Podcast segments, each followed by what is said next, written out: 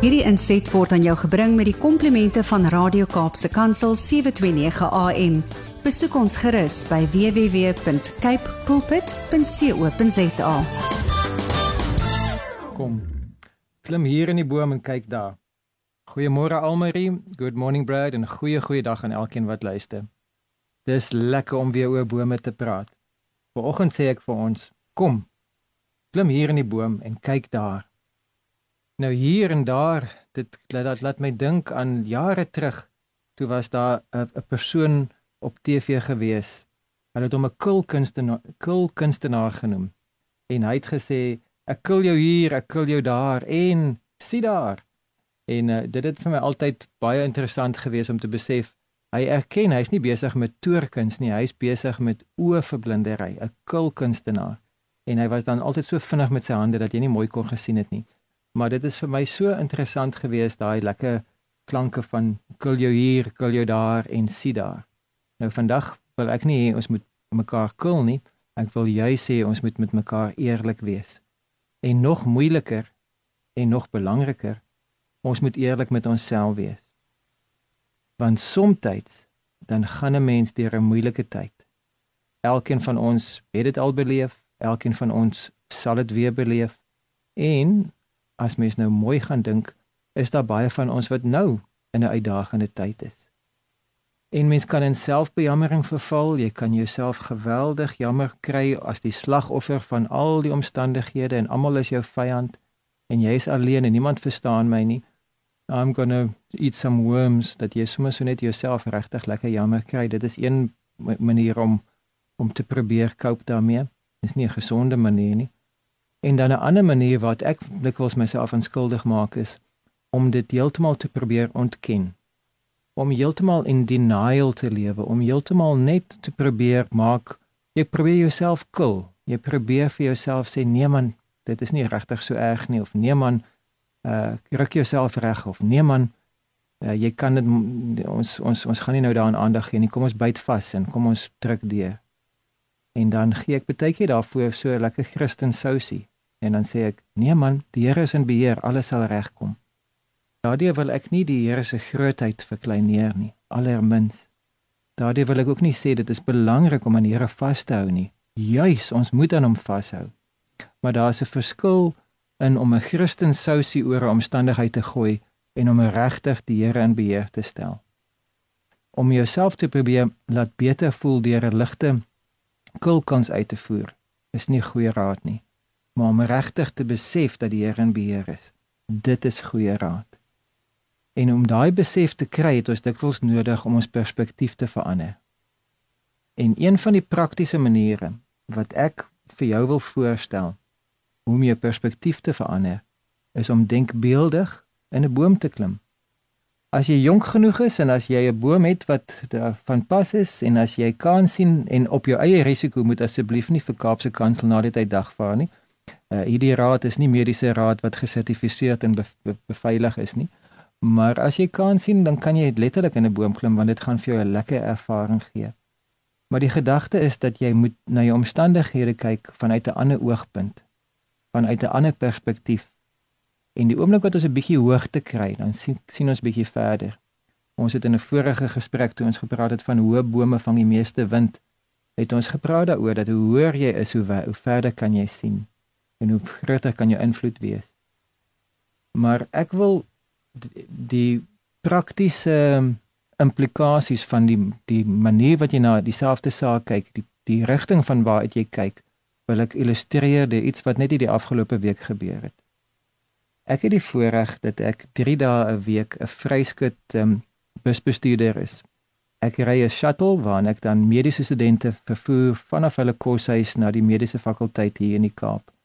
En ek doen dit van voor son op tot na son onder en ek het 'n groep van 30 of 40 40 studente wat dan nou so om en by 7 keer per dag 'n uh, 'n shuttle kan vat na die kampus toe en dan ook weer 7 keer 'n dag kan hulle dan die die terugtrip vat terug na die na die koshuis toe. En dit is vir my so verrykend om om, om hierdie room van die jong mense van van Suid-Afrika net beter te leer ken. Sulke helder breine, sulke warm persoonlikhede, sulke sulke entoesiastiese jong mense aan die begin van hulle loopbaan. Meeste van hulle is alreeds gegradueer. Meeste van hulle weet in watter rigting van die mediese veld gaan hulle spesialiseer. En tog is hulle nog jonk en relatief onervare en dit is vir my so voorreg om net skouers te skuur met hulle, uh, hulle veilig in betyds af te laai, maar ook dan soms net so 'n bietjie te hoor wat in hulle lewe ingaan. En hier en daar is daar van hulle wat my genoeg begin vertrou dat ek so 'n bietjie mag 'n uh, 'n uh, 'n klankbord wees, 'n oor kan wees vir vir hulle vra en selfs hier en daar so 'n bietjie mag inset te gee en vir hulle kan help om net 'n ander perspektief te kry. Wat 'n verrykende ervaring. En ek leer so baie. Anesthetist is 'n woord wat ek van tevore nooit sou geweet het nie. En die mediese tegnologie is besig om met rasse skrede vooruit te gaan. Maar ons praat nie vandag oor die mediese veld nie, soos my goeie vriend sou gesê het, in elk geval. Kom ons kom terug by die bome. En om terug te kan kom by die feit dat ons gaan boomklim en perspektief gaan kry oor 'n saak, wil ek hê dat julle moet saam luister na 'n gesprek wat ek met twee van my kollega drywers gehad het. Nou oor die jare het ek baie baie kere met predikante in broederkringe en fraternals en leraarsforums gesit en ek weet dat predikante is redelik oor die algemeen dit is nou 'n grove veralgemening maar hulle is redelik versigtig om nie te veel oor hulle persoonlike lewe te deel nie en hulle is soms bietjie wetywerig en kompeterend en probeer vergelyk wie se gemeente is die vinnig vinnigste groeiende ene of wie wie is die mees dinamiese bediening. Nou ek sê dit sonder enige kritiek, ek is self daan skuldig geweest. Maar die interessante ding is dat as 'n klompie drywers bymekaar kom, dan is dan nie eintlik regtig wetywering om te sê wie ry die grootste bus of wie was die meeste betyds geweest of wie die uh meeste veilige kilometers al agter die rug nie. Hulle deel raad met mekaar eerder as wat hulle kompeteer. En so is dit ook gekom dat sien dit dit nou vroeg September is en uh, dit is blommetyd hier in die, in in die Weskaap dat daar twee toere was na die Weskus Nasionale Botaniese Tuin toe. En die een drywer, ek sal hom noem Dwayne, dis nie sy regte naam nie. Dwayne het gery reguit van Somerset Wes reguit deur Darling, uh, reguit na die uh, park toe, uh soort van min of meer die hele tyd noord gery, uh toe nou gekom by die mees noordelike deel van die park. Hy het lekker daar piknik gehou en hy het 'n uh, handomkeer gedoen en hy het redelik relatief suid weer gery deur die park, min of meer suid deur Darling, min of meer suid al die pad weer terug tot in Somerset Wes. Basies 'n uh, uh, eenvoudige reguit rigting kortste afstand meestal noord soontoe en meestal suid terug reguit soontoe en reguit terug. En Dwayne se ervaring was dat die blomme is nogal mooi maar hulle het nie baie gesien nie. Nou sy kollega wat heelwat meer ervare is, ek gaan hom noem Gert. Ek wil nie hulle regte name gebruik nie want dalk luister hulle Kaapse Kansel. Nou Gert is baie meer ervare en hy het al dosyne van hierdie toere gedoen en hy sê hy het vir homself 'n roete uitgewerk, a figure of 8 dat hy ry 'n gedeelte van die tyd ry hy noordoos. 'n Gedeelte van die tyd ry hy suidwes en dan maak hy 'n 180 grade draai en dan ry hy weer uh, in 'n in 'n diagonale rigting daai kant toe en dan weer in 'n diagonaal daai kant toe en hierdie figure of 8 maak dat hy die meeste van die tyd die son agter hom het. Want as jy blomme wil kyk, moet jy besef die blomme draai hulle gesiggies na die son toe. Die blomme draai hulle gesigte na die son toe. In daardie stelling is daar al klaar 'n geestelike toepassing as jy hom wil maak. En dit beteken dat wanneer die son agter jou is, dan lyk die veld voor jou net mooi groen. Groen, baie mooi, maar jy sien geen blomme nie.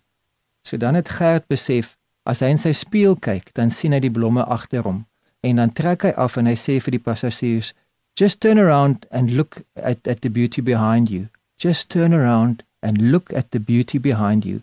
En dan slaan hierdie toeriste hulle asem weg want hulle sien dat dit wat gelyk het soos net groen veld net amper ek wil sin nie sê vervelige veld nie maar maar net mooi groen veld is eintlik 'n blommeprag want al die blomme kyk na die son toe.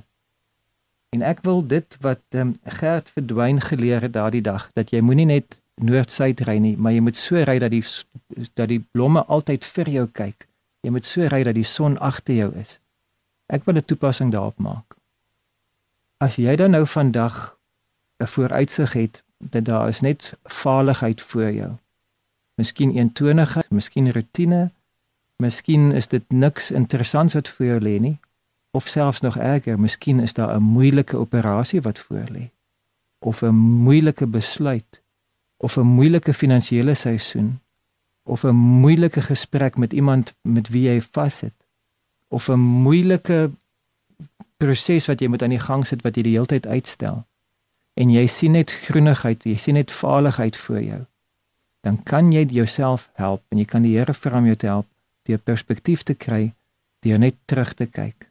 Terug te kyk sodat jy die blomme kan sien wat agter jou lê. Turn around and see the flowers behind you. En dat jy dan nou aktief jouself herinner aan mooi blomme in jou verlede. Dat jy die mooi van jou kinderjare onthou. 'n Lekker kuier saam met oupa en ouma op die plaas. Dat jy iets lekkers in jou tienerjare onthou. Jou eerste fiets of jou eerste keer wat jy saam met 'n klomp pelle gaan visvang het of dat jy iets moois onthou van van jou jongvolwasse jare. Daardie lekkerte van om onafhanklik te begin wees, jou eerste blyplek op jou eie, die die lekkerte van om jou eerste salaris te verdien. Iets wat vir jou uitstaan. Emosioneel uitstaan, geestelik uitstaan, wat uitstaan in jou verhoudingslewe.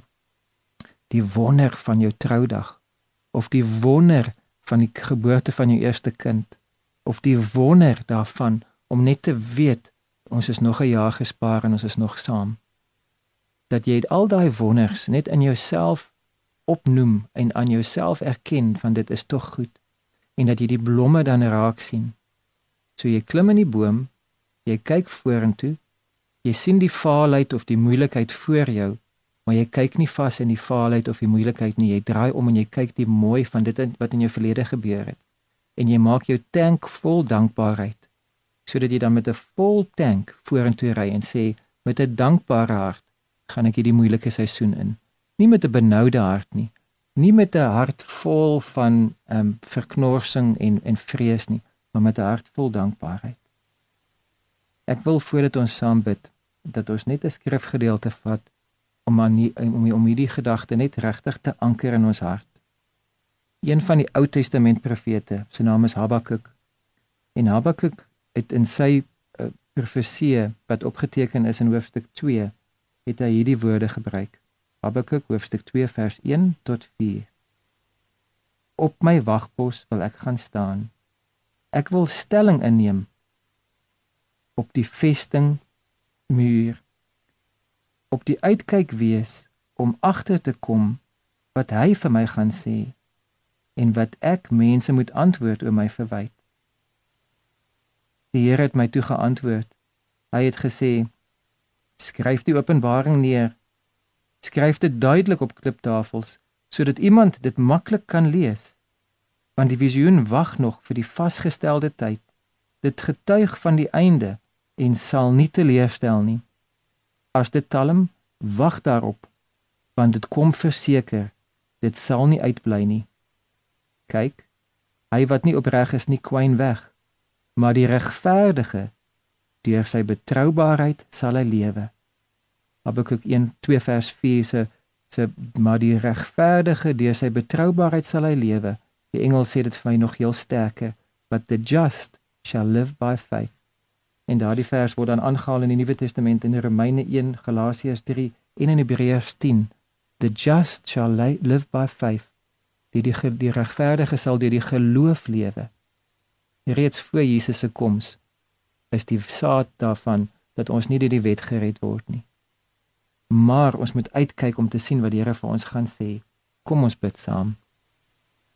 Here, dankie dat U ons oë kan help om te sien wat U wil doen.